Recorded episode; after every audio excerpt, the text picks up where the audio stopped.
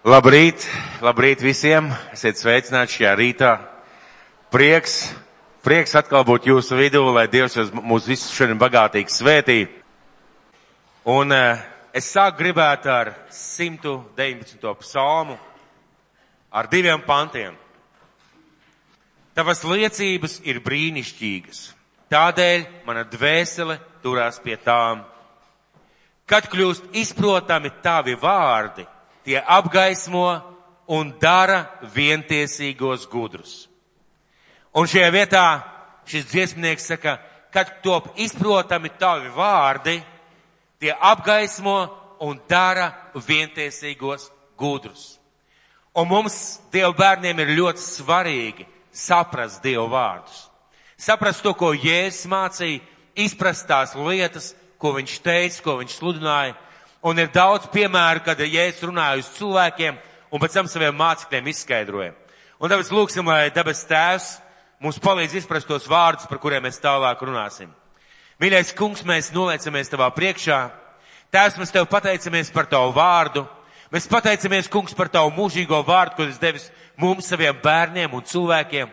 Un mīļais Kristu, svētī un izgaismo savu vārdu.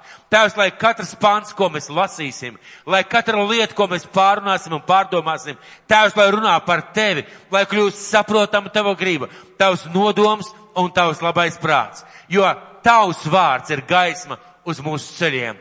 To mēs apzināmies un lūdzam tavu gaismu. Svētais gars izgaismo, parādu un atklāja. Jēzus Kristus vārdā. Āmen. Nesen beidzās Olimpiskās spēles. Es zinu, kā daudz to zina. Es neizrunāšu šo te vārdu Dienvidkorejā. Grūts vārds, bet nesen beidzās Olimpiskās spēles. Un Olimpiskās spēles ir augstākais piedestāls, jeb augstākā virsotne priekš sportistiem. Jo notiek daudz pasaules čempionāti, dažādas savādākas uh, sacensības, bet Olimpiskās spēles vienmēr ir un paliek Olimpiskās spēles. Un Olimpiskās spēles ir pati virsotne sportistiem. Tas var būt dēļ, kā viņi dzīvo, sporto, gatavojās, lai nonāktu uz Olimpiskajām spēlēm. Un daudziem no viņiem izdodas varbūt tikai būt vienās, divās, īpaši talantīgiem, trijās vai četrās, bet lielākajai daļai no viņiem izdodas būt varbūt vienās Olimpiskajās spēlēs. Un mēs skatījām, varējām redzēt uh, ekrānos, kā sportisti saņem medaļas. Kā viņi uzkāp šiem piedestālu uz šīm vietām, kā viņi priecīgi, kā viņi gavilē, kā viņi saņem šīs medaļas, bet īstās emocijas pat nav, bijis, nebija, nav bijušas tad, kad medaļas viņš saņem. Īstās emocijas bija tajā mirklī, kad viņi saprata, ka viņi uzvarēja vai kad iegūšu šo medaļu. Ja mēs ar jums būtu tajā vietā, mēs nebūtu sportisti, bet mēs ar jums būtu tajā vietā. Mums pēkšņi kaut kā pārcelt uz turieni, vai mēs paši pārceltos, vai mēs būtu, piemēram, skatītājos, un mūs vienkārši uzaicināja pateikt, klausies, Jāna, vai tu negribi saņemt olimpisko medaļu? diezgan interesanti. Es labprāt gribētu, pareizi. Ja tāpat arī Vitālijas noteikti gribētu, vai ne? Iedomājieties, jūs dabūjat olimpisko medaļu. Un lielākais, kas būtu vērtītai olimpiskajai medaļai, mm, interesants bleķis, klausies. Jā, no bronzas, no zelta vai no kā, interesants bleķis. Bet mums tā medaļa daudz ko nenozīmē. Pat diplomu, pat tas rokas spiediens no Olimpiskās komitejas vadītājs neko daudz mums nenozīmē.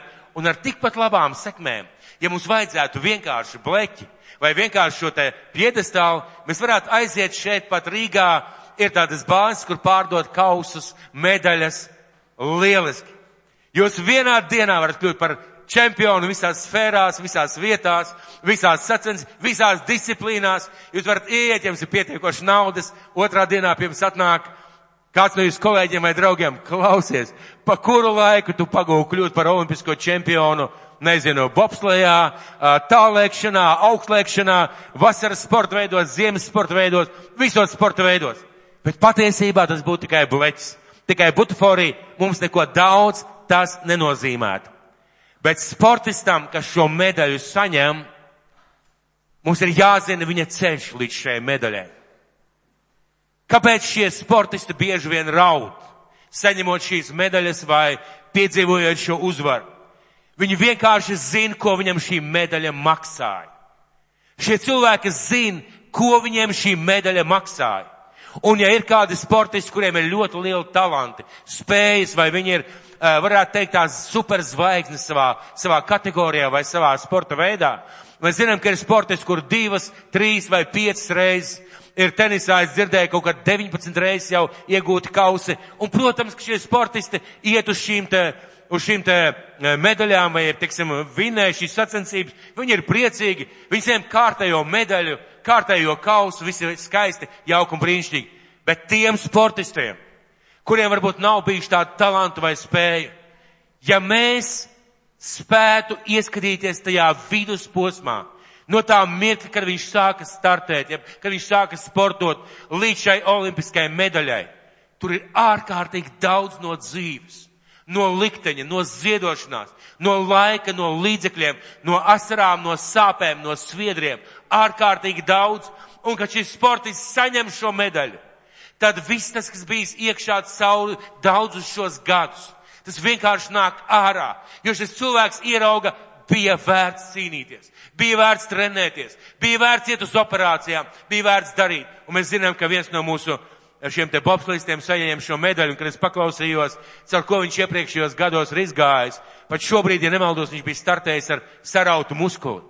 Kāpēc viņš priecājās, kāpēc viņš raudāja, kad viņš saņēma šo medaļu? Viņš zināja, ko viņam tā maksāja. Viņš zināja, ko viņam tā maksāja. Un pa īstam priecīgs sportists ir tikai tad, ja viņš zina, ko tas maksāja, ja viņš zina, ko tas viņam nozīmē, un ja viņš ir apbalvots pēc tam tās uzvaras, ko viņš personīgi ir izcīnījis. Mēs ar jums aiziet, ja mēs nebūtu maksājuši vai vienkārši mums kaut kā gadītos, ka mums piedāvāt, uz, uzdāvināt vai uzaicināt, mums tas neko daudz nenozīmē. Interesants bleķis, interesants mirklis pastāvēt ārēnā, visu priekšā, bet vērtību piedod. Vērtību īsto sāli, īsto garšu piedod. Tas vidusposms, kas ir bijis starp startiem, pirmajiem startiem un šo olimpiskajo medaļu.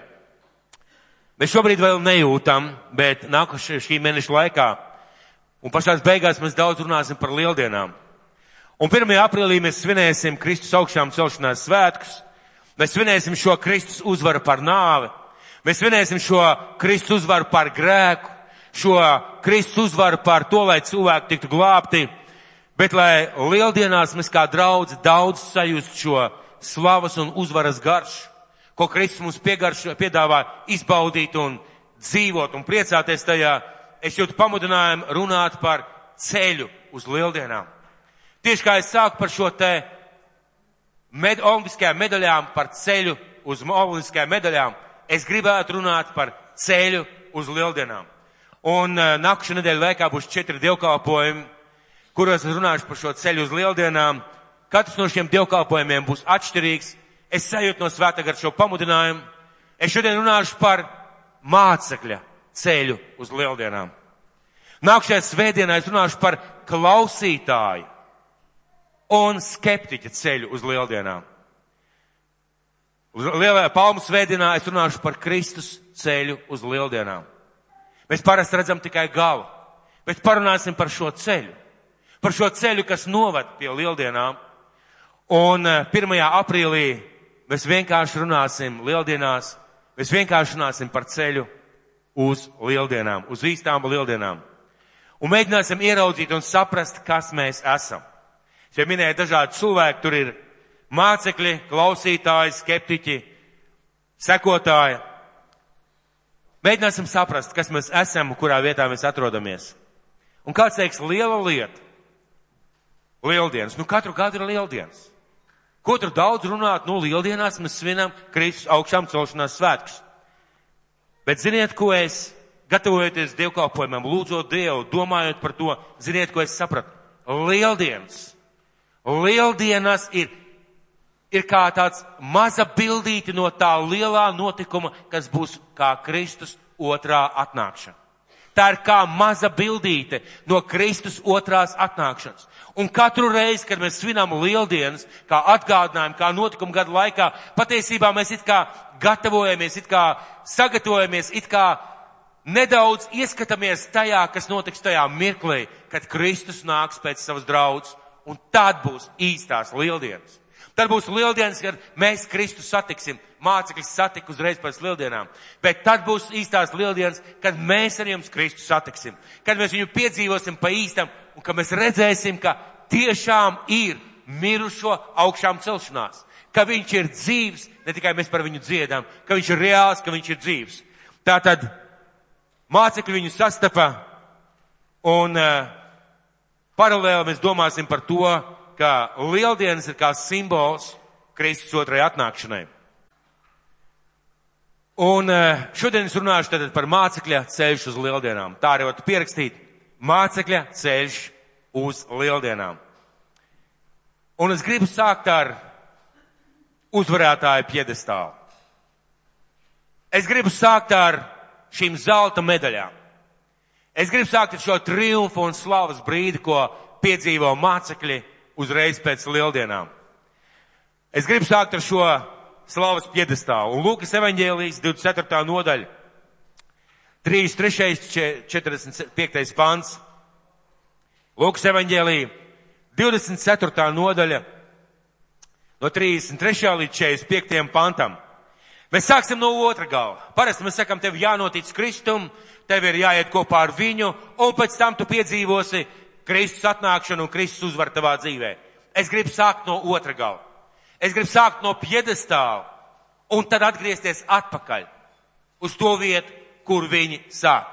Tātad Lūkas evaņģēlijas 24. nodaļa 33. pāns sākot.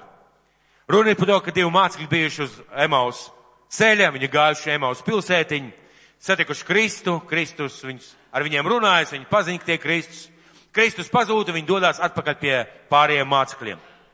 Un lūk, 33. pantā, un tai pašā stundā viņi cēlās, griezās atpakaļ uz Jeruzalemi un atrada tos 11 sapulcējušos un tos, kas pie tiem bija.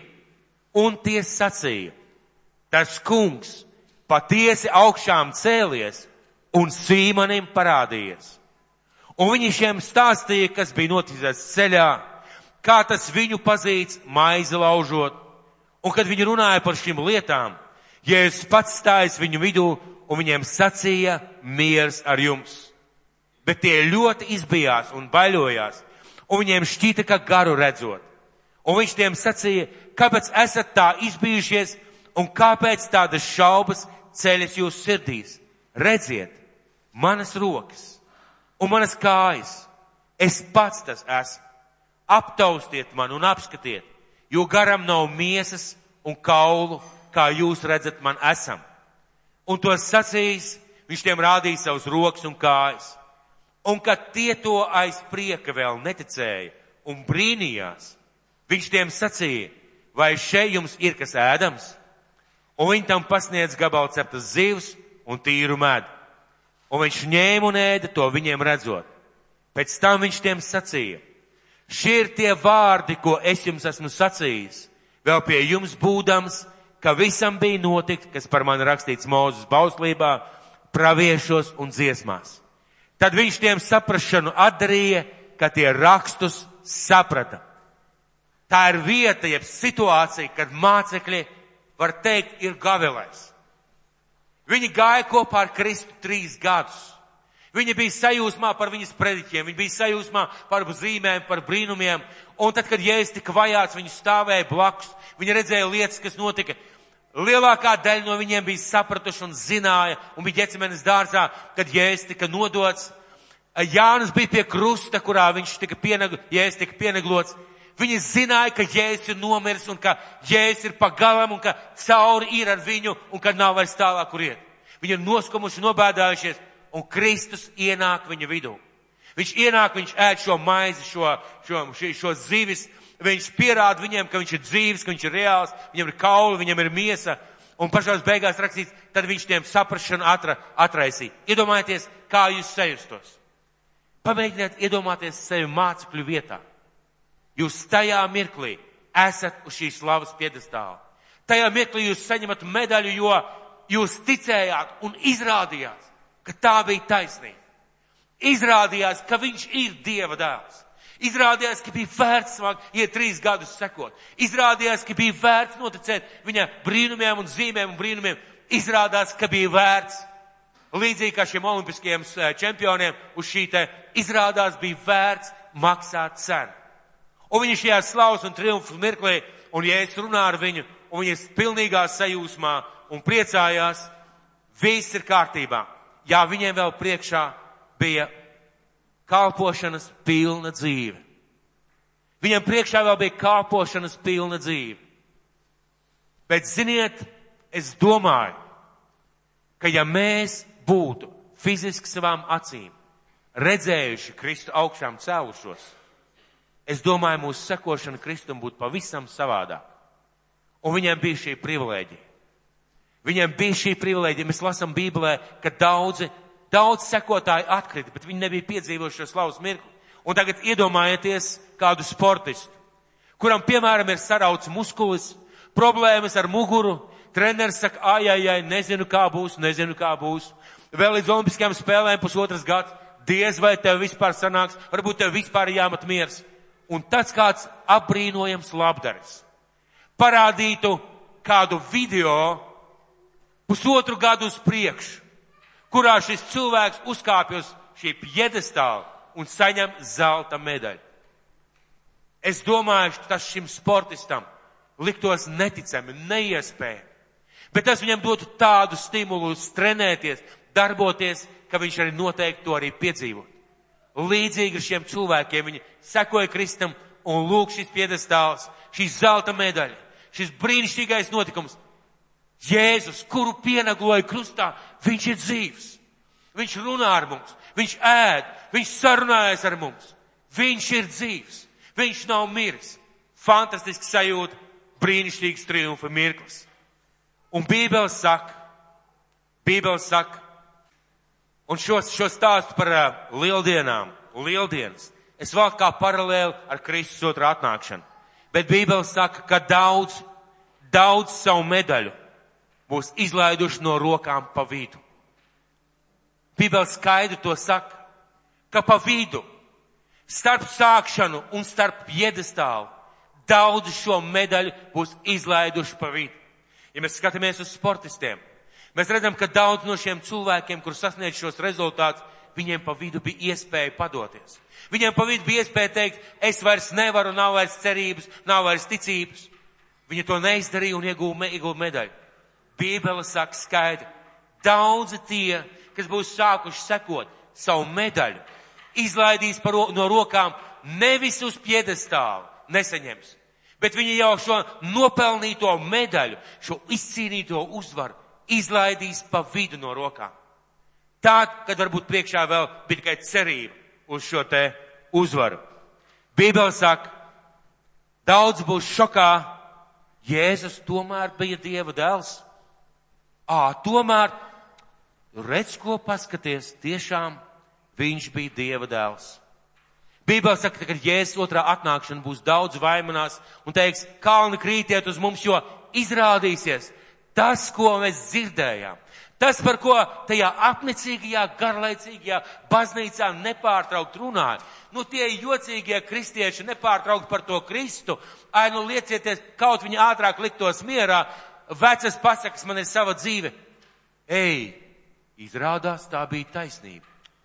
Ai, cik skaisti, bet tajā mirklī. Fakts paliks fakts, bet priekš viņiem vairs nebūs skaisti. Jo Tad, kad vajadzēja noticēt, viņi nenoticēja, viņi noticēs pēdējā mirklī, bet tad jau būs pa vēlu. Un Bībele saka, ka mēs nevaram sev pieskaitīt viņa mācekļiem tikai tāpēc, ka mēs esam draudzē. Tikai tāpēc, ka mēs esam sarakstā. Mums ir jāscīna šī uzvara, mums ir jāsaņem šī medaļa, mums katram personīgi ir jāizvar tās uzvaras. Un mums katram personīgi jāieiet tajā pilnīgajā uzvarā, ko Kristus mums ir sagatavojis šajā pilnīgajā sajūsmā. Bet tieši tāpat kā, lai mēs varētu saprast par šo medaļu, medaļa tiek iegūta un nopelnīta patiesībā pa vidu tieši tāpat mūsu uzvaras veidojās pa vidu mūsu dzīvē. Un viņi veidosies līdz pēdējiem elpas vilcienam. Es gribētu būt ļoti praktisks, ļoti tāds e, strateģisks un ļoti vienkāršs. Mīļie draugi, šeit varētu notikt zīmes un brīnumi. Šeit varētu izaugt kājas, šeit kurlie varētu sākt dzirdēt un aklie redzēt. Ja tu nenoticētu Kristum, ja tu pēc tam ārpus saviem brīnumiem nesekotu viņam, Ja tu nebūtu viņa māceklis, viņa lieldienu dienā, tajā dienā, kad viņš atnāks atpakaļ, tas tev neko nepalīdzētu. Man ir iedvesmojis tā vieta, kad mēs domājam par brīnumiem, ko Jēzus saka saviem mācekļiem, jeb farizējiem. Farizēji atnāk pie viņa saka, rādi mums kādu zīmi, tad mēs tev ticēsim. Un ziniet, ko viņš saka? Laulība pārkāpēji cilts meklē zīmes un brīnums. Jums netiks dot nekāda cita zīme, kā Jonas pravieša Jonas zīme. Ziniet, kas tas ir? Jona trīs dienas zivs vēdrā un trešajā dienā viņš uh, ir ārā krastā. Ko tas nozīmē? Tas ir simbols, jeb līdzība ar Jēzus Kristus augšām celšanos. Un ko Jēzus pasaka? Jūs meklējat zīmes. Lūk jums zīme. Ticiet, ka es esmu Dieva dēls. Lūk jums zīme. Nožēlojiet grēkus, sekojiet man. Lūk jums zīme. Mans vārds, kas jūs ievadīs debesīs. Lūk jums zīme. Esiet mācekļi. Un jūs piedzīvosiet manu atnākšanu un nevajadzēs jums brīnums. Brīnums vajag, zīmes vajag, bet es esmu redzējis cilvēkus, kuri piedzīvo brīnums.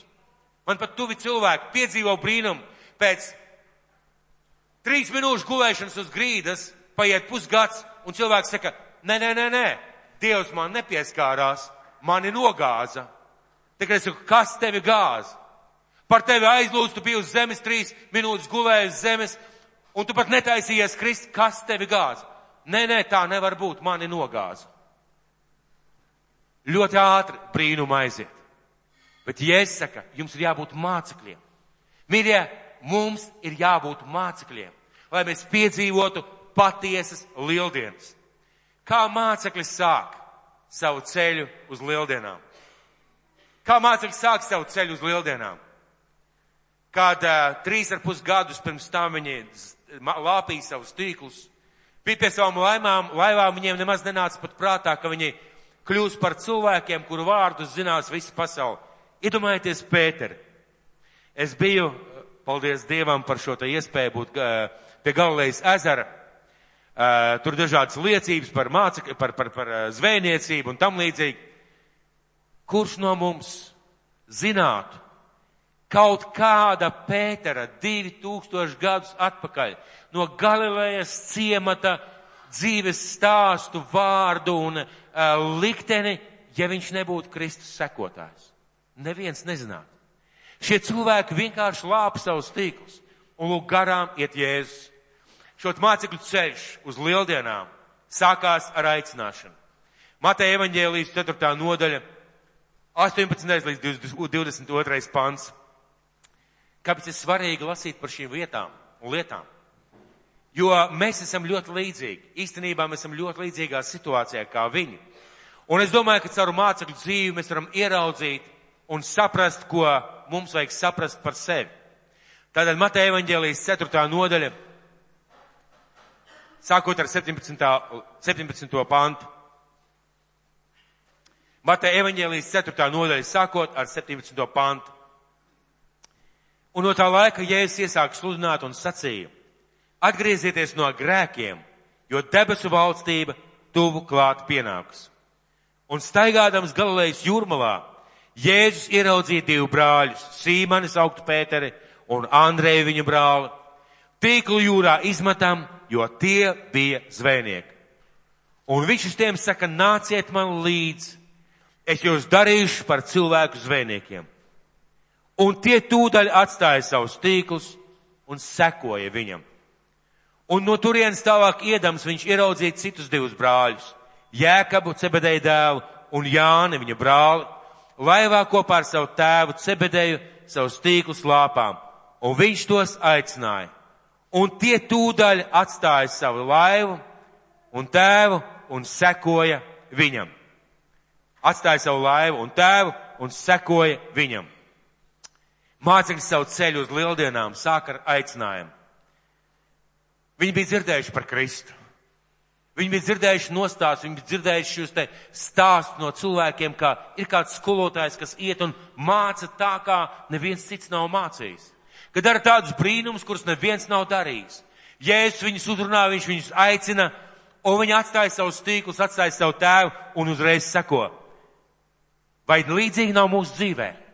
Vai līdzīgi nav tā, ka kāds mums pastāsta par Kristu, un mums rodās šī interese. Mums rodās šī interese par Dieva dēlu, mums rodās interese par garīgo pasauli, mums rodās interese par to, ka ir Dievs, kāds viņš ir, ka Jēzus ir nomiris, kas tas ir par stāstu. Mums rodās interese. Šiem cilvēkiem rodās interese, un viņi iet kopā ar viņu. Šie cilvēki nezināja, kas viņus sagaida. Viņi nezināja, kas viņus sagaida līdz lieldienām, un viņi nezināja, kas viņus sagaida visā viņu dzīvē.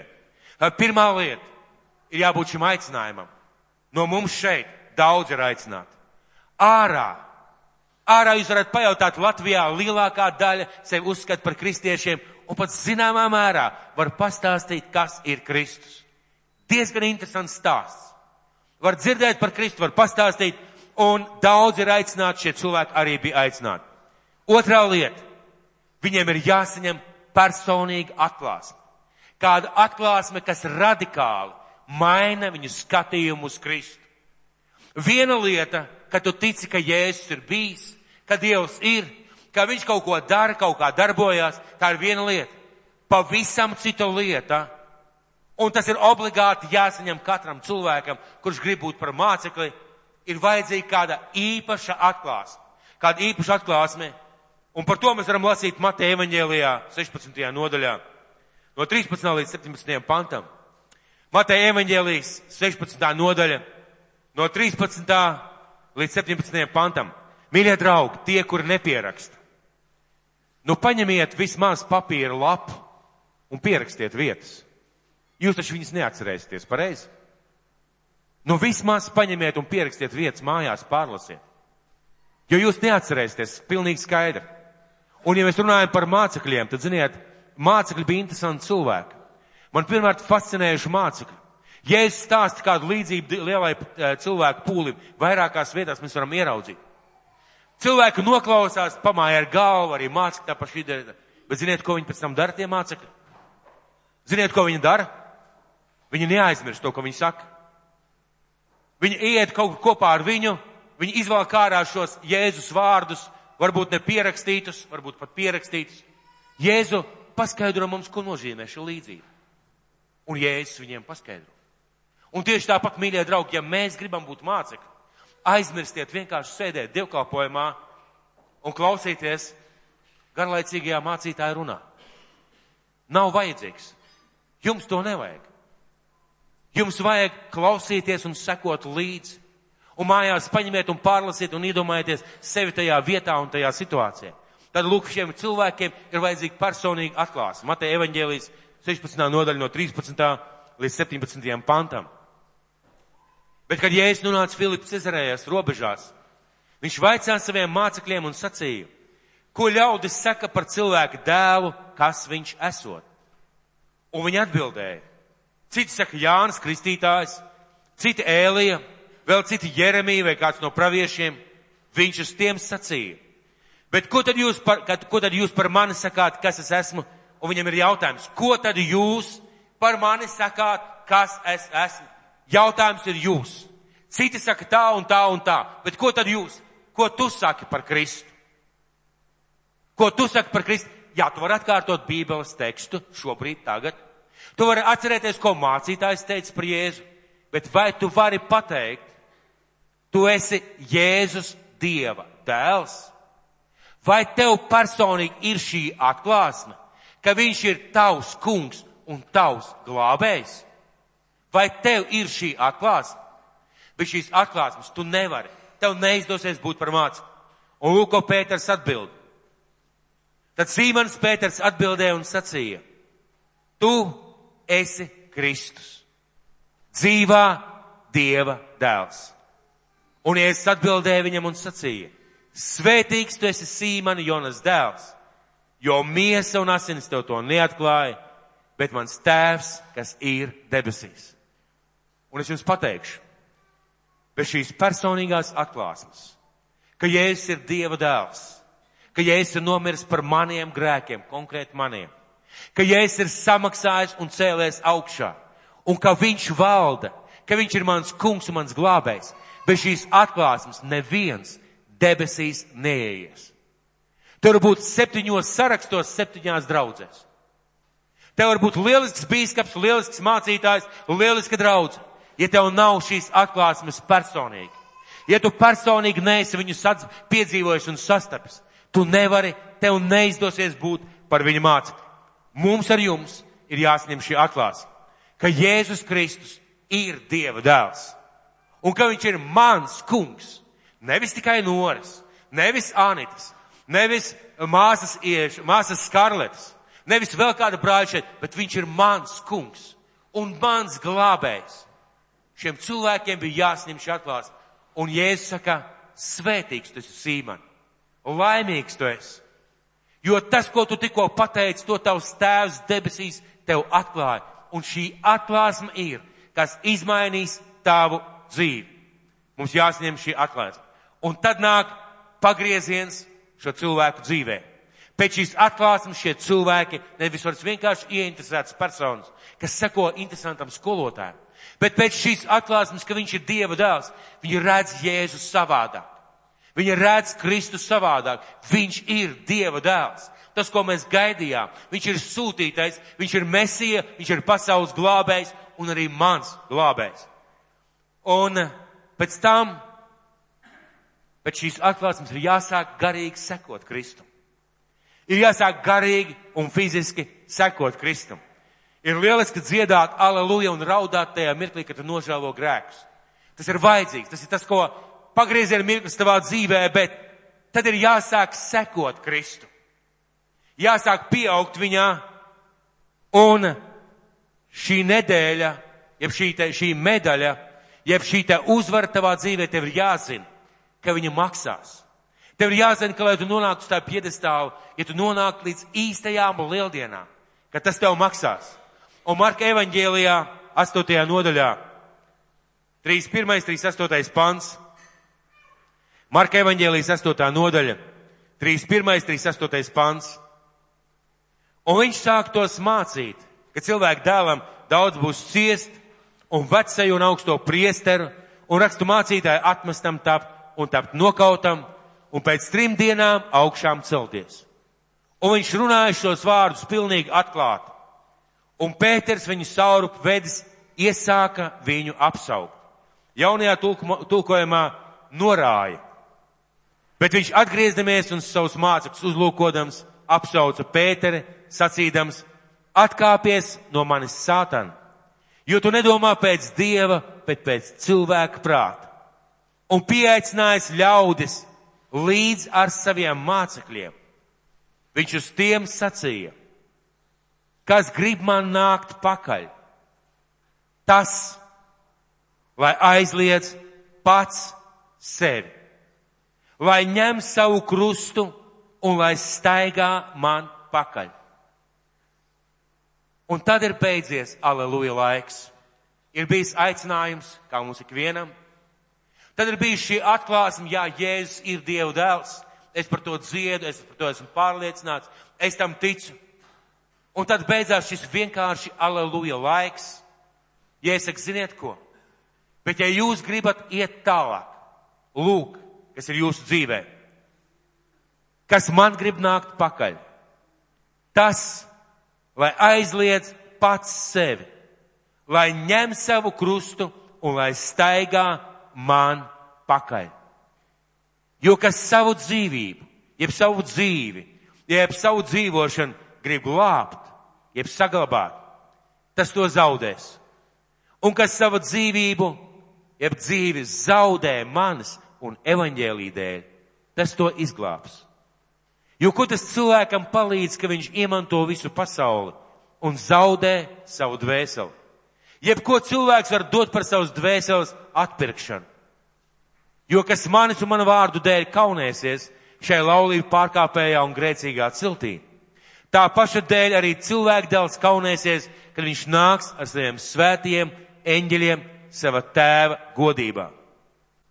Mīļie draugi, un šajā vietā Es domāju, ka Jēzus novelk kādu līniju. Ja pirms tam viņš teica, viņš mācīja, viņš sludināja, viņš skoloja, viņš darīja kādus brīnumus, cilvēki gāja pakaļ teica, jā, mēs ticam, tu esi Jēzus Dieva dēls, Pēters un vispārējie mācekļi. Un tad viņš vienā mirklī novelk šo līniju un saka, un tālāk. Tālāk. Ceļš uz lieldienām. Iet pār šo sliekstu. Ik viens, kas grib man sekot. Uz kurieni? Uz lieldienām, uz Kristus otro atnākšanu, uz šo piedestālu, uz šo medaļu, uz to mirkli, kad tava ticība izrādīsies bijusi īsta. Uz šo piedestālu un uzvaru tālāk. Šis ceļš iet pār šo slieksti. Kas grib man sekot? Kas grib man sekot?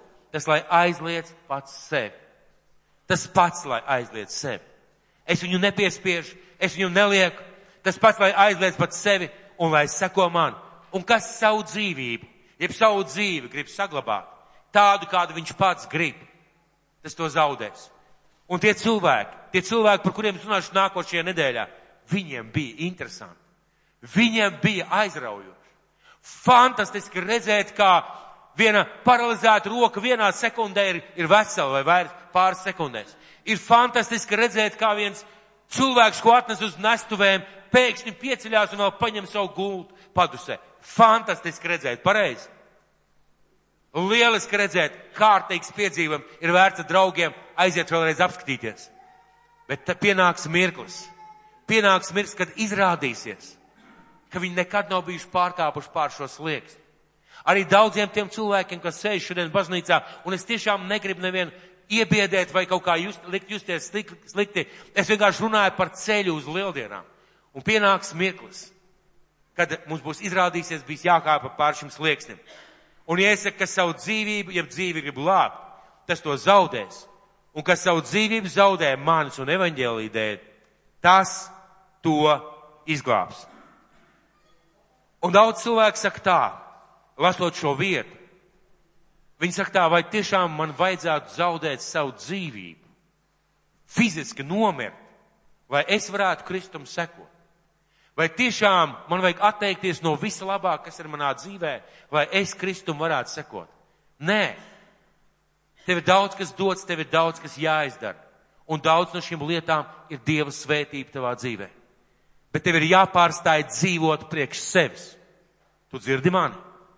Tev jāsā, jāpārstāj dzīvot tikai un vienīgi priekš sevis. Jāpārstāj dzīvot tikai un vienkārši priekš sevis. Un kad tu seko Kristum, kā šeit teikts, tam jāņem savus krusts un jāsako man pakaļ. Mūsu dzīvē Kristus kaut kur iet. Kādā dievkalpojumā es atceros, kādus gadus atpakaļ es sludināju arī par šo vārdu. Es fiziski paņēmu krustu un rādīju, ka Paņemt krustu un sekot Kristum nozīmē paņemt to, ko Dievs man uzliek, kā manu nastu vai manu kalpošanu, un iet tajā virzienā, kur Jēzus iet manā dzīvē. Mīļie draugi, Jēzus mūsu dzīvē kaut kur dodās. Pat ja tev liekas, ka viņš nekur nedodās, viņš tevi kaut kur ved. Un viņš ved vienā virzienā, lai tu būtu māceklis, lai tu būtu viņa sekotājs, lai tu virzītos uz šo piedestāvu, uz šo uzvaru. Viņš tevi ved. Un kad tu dienu no dienas nedēļu no nedēļas, mēnesis no mēneša, nekur nedodies kopā ar Kristu. Tu neesi paņēmis savu krustu. Tu varbūt pavēlti pat baznīcā sēdi. Tu neesi paņēmis savu krustu. Jo, ja es teicu, kas grib man sekot uz šo uzvaru, uz lieldienām, tas lai paņem savu krustu un lai seko man pakaļ. Mums ir jādzīvo un jāizdzīvo tajā laikā, kurā mēs esam. Savus aicinājums un savus uzdevums. Ir lieliski noticēt vecumā. Ir lieliski nocēt, kad Kristus tev aicina kaut kādā vidusposmā. Lieliski tu esi nobriedz, tu jau saproti, ko tu dari, varbūt grūtāk kaut ko atstāt. Vēl lieliskāk, mīļie jaunie cilvēki, ir noticēt jūsu vecumā. Un ziniet, ko izdarīt. Nevis kļūt par askētu, nevis kļūt par tādu burta kalpu un uh, bībeles urbēju. Nē, jābūt Dieva cilvēkam, jāmeklē Dieva vārda, bet pieņemt lēmumu. Es gribu vienalga, kas es būšu lai mana dzīve pagodina Kristu. Es gribu ar savu talantu, ar savām spējām, ar mūsdienīgām lietām, ko es māku, vai uz ko Dievs man aicina. Es gribu pagodināt Kristu. Un Kristus var vest visaugstākajos ešalonos. Kristus kādu var vest visaugstākajos mākslas līmeņos. Kristus kādu var vest visaugstākos juridiskajos un politiskajos līmeņos. Bet viņš tevi vēd. Tu esi viņa māceklis. Un tu viņam seko tur, kur viņš tevi ved. Un Jēzus saka, lūk, ceļš uz lieldienām. Tev ir jāsako man. Ar ko māceklis atšķirās no klausītāja? Māceklis no klausītāja atšķirās ar, no, ar to, ka viņš seko Kristum. Ka viņš nevis vienkārši iet uz baznīcu un klausās sprediķus, viņš seko Kristu. Viņš personīgi. Un ziniet vēl ar ko? Viņš neskatās. Inga, kādi augļi tavā dzīvē? Ļoti skaisti. Vai noriņu kāda augļi tavā dzīvē? Un Skarlet, kāda augļi tavā dzīvē? Jūs nu gan esat varens Dievs sievas. Man ir liels prieks, ka esmu kopā ar jums. Māceklis skatās, vai viņš nes augļus. Vai viņš? Nevis kāda tā draudz, nevis kā tā māsa vai brālis, vai viņš nes augļus, vai viņš nenes augļus. Māceklis skatās, vai viņš personīgi nes augļus, vai viņš personīgi seko Kristum, vai viņš personīgi ir tajā vietā un tajā aicinājumā, ko Dievs viņam ir aicinājis. Klausītājs ir ieinteresētā persona par visiem citiem. Māceklis ir ieinteresētā persona pats par sevi un par savām attiecībām un savu kalpošanu Kristum. Un māceklis ir ne tikai aicināts, daudz ir aicināti. Māceklis ne tikai saņēmis atklāsmes, ka Jēzus ir kungs. Daudzi saņēmuši. Māceklis savā dzīvē seko Kristum. Un ja tev būtu papīrs, Es tagad teikšu kādus dažus punktus. Vai tu vari, ziniet, kādreiz, kad taisa kādus sarakstus? Tātad, veikalā jānopērk desa, siers, piens, nezinu, vēl kaut kas. Tātad desa, ķeksīts, tā ir, jā, piens ir, krējums ir. Vai tu varētu salikt šādus ķeksīšus? Māceklis savā dzīvē seko Kristum. Māceklis dzīvo attiecībās ar Kristu. Un viņš ne tikai lasa Bībeli, viņš caur Dievu vārdu, caur lūkšanu mēģina saprast, kur Dievs viņu ved. Mēģina iepazīt Kristu, mēģina saprast, Dievs, kāds ir tavs plāns manā dzīvē, un Dievs runā. Māceklis kalpo un nes augļus. Man ir jautājums, vai mēs varam savai dzīvē pielikt ķeksīti, māceklis kalpo un nes augļus. Vai es pie šī saraksta, ko man vajadzētu iegādāties, varu pielikt ķeksīt? Un reizēm cilvēks saka tā, es neesmu uztaisījis lielu draudzi, es neesmu nodibinājis to, es neesmu izdarījis to, es neesmu izdarījis to, manā dzīvē nenotiek brīnumi, tad es nevaru ielikt ķeksīt. Nē, jautājums ir, vai tu vari ielikt ķeksīt tajā vietā, kur Dievs tevi aicina? Ar tām lietām, kurās Dievs tevi ir aicinājis ar tiem talantiem, kuros Dievs tev ir ielicis. Mēs zinām par praviešiem. Viņiem galīgi nebija liela kalpošana. Viņus nemīlēja, viņus nogalināja, viņus meta bedrēs, bet Dievs bija ar viņiem. Un viņi savā vietā viņi nes augļus. Un Bībele saka tā, pēc augļiem jums būs viņus pazīt. Ziniet, kā varētu būt? Es ienāku draudzē, Svētais Jānis ar lielo nimbu. Ienāku draudzē, paskatos tā, tā, tā. Šī draudz nav īpaši garīga. Man jums ir pravietojums. Tas kungs nāks, vai jūs būsiet gatavi? Sūtiet mani dillēs. Ziniet, kāpēc? Pajautājiet, Jāni, kādi augļi ir tavā dzīvē? Ā, ā, bērni pasaulē, laulība šķirta, dzīvē neiet, naudas nav, bet tu izskaties skaisti pēc pravieša. Sūtiet mani dillēs. Bībeli saka, pēc augļiem jums būs viņus pazīt. Un mēs pēc augļiem varam pazīt arī sevi. Ne tikai citus, bet arī sevi. Un tad tu vari vienkārši pajautāt, Jāni, vai tu nes savā dzīvē augļus? Ir tas ķeksīts vai nav? Ļoti vienkārši. Ieliec ķeksīt. Māceklis nes augļus. Ne pēc pravietojumiem, ne pēc ārējā vai pēc askētismu, nē. Vai tavā dzīvē ir augļi, kas liecina par tavu sekošanu Kristum. Un māceklis garīgi aug. Tas nozīmē, ka māceklis pieliek pūles un tu redzi, ka viņš aug. Tu redzi, ka viņš mainās. Māceklis veido mācekļus. Kas ir interesanti, ka Jēzus nekad neteica, veidojiet sekotājus, klausītājus, baznīcēnus, baznīcā gājējus. Kad viņš runā sev mācīt, viņš saka, ejiet un sludiniet pa visu pasauli un māciet un veidojiet mācekļus. Tos mācīdam un kristīdam. Tātad māceklis veido mācekļus. Vai tavā dzīvē ir kāds cilvēks, kuram tu esi palīdzējis kļūt par mācekli? Un pēdējā lieta - māceklis gaida aktīvi Kristus atnākšanu. Māceklis aktīvi gaida Kristus atnākšanu. Tas nozīmē, ka viņš pieliek pūles, ka viņš darbojās, ka viņš iet tajā virzienā, lai sagaidītu Kristus atnākšanu, jo viņš zina, ka šī atnākšana būs. Kā var dzīvot ar fokusu uz sekošanu Kristum? Kā var dzīvot šodien, kad tik daudz izaicinājumu, piedāvājumu, iespēju? Kā var dzīvot? Ar fokusu sekot Kristum. Daudziem liekas, ka tas varbūt bija tikai pagājušajā laikā, pagājušajos gadsimtos, tik daudz visādu iespēju, situāciju. Bet pirmajā vēstulē korintiešiem, septītajā nodaļā, apustulis Pāvils dod ļoti garīgus un labus padomus.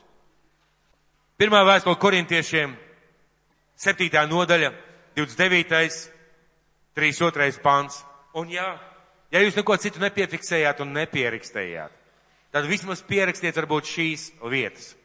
Pirmā vēstule korintiešiem 7. nodaļa, 29. līdz 32. pants. Bet to brāļi es saku, laiks ir īs.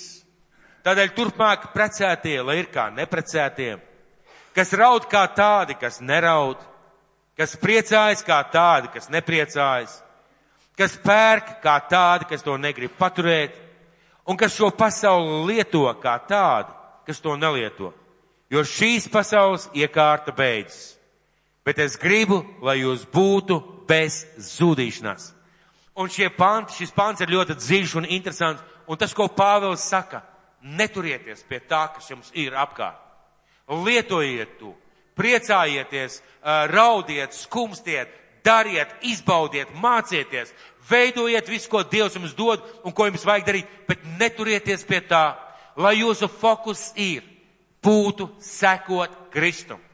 Lai jūsu fokus dzīvē būtu sekot Kristum. Un mēs tuvojamies šīm lieldienām. Bet šīs lieldienas mūs nes tuvāk vienām citām lieldienām. Tām lieldienām, kurās mēs sastapsim Kristu augšām celto kā mācekļi sastapa toreiz, 2000 gadus atpakaļ. Un kāda būs šīs sastapšanās? Kādas būs mūsu lieldienas? Vai tās būs lieldienas? Tu noteiksi vienīgi. Vai mēs esam bijuši mācekļi? Vai mēs uz šī piedestāla uzkāpsim kā uzvarētāji un saņemsim uzvaras balvu? To parādīs tas laiks, kas būs bijis pa vidu. Un šis laiks ir tas laiks, kurā Jēzus saka, sekojiet man. Man personīgi patīk iedvesmot sevi ar vārdiem. Es nezinu, kāpēc, bet man tas jau ir izdevies kopš bērnības. Goda vārds. Es pēdējā laikā atkārtoju sev vārdus, man ir daži, daži tādi moto, bet es tiešām atkārtoju vārdus kādos, sarežģītākās situācijās. Es visu spēju tā spēkā, kas mani stipru dara. Es visu spēju tā spēkā, kas mani stipru dara. Un vēl kāda lieta, ko es sev atkārtoju, es staigāšu tā kunga spēkā. Kad jau kāds vai kādas situācijas saka, tu neko nevari vai tev neizdodas, ir lieliski pateikt vārdus, es staigāšu tā kunga spēkā. Nezinu, tas man ir nācis no bērnības. Jo bērnībā mums bija tāda situācija, un es domāju, tas ir ļoti garīgi. Bērnībā bija tāda situācija. Mums bija dārs, dārs galā bija tāds vecs žoks sagrabējis, drāšu žoks, un šļurkājās, augšā bija tāds asi visādi dzelkšņi no tā žoga, bet es biju indiānis. Un es tur dārzā spēlēju indiāņus, un tad man vajadzēja tikt pāri šķērslim, tur uzvarēt kaubais, un es atceros, es uzmetos tāds mans puišos augšā, galvu šī tik daudz pāri, Jāni, tu taču esi indiānis, un tu spiedies pāri, un tu tiec pāri tam. Un šie vārdi, Jāni, tu taču esi indiānis, man daudzkārt palīdzēja celt savu pašapziņu.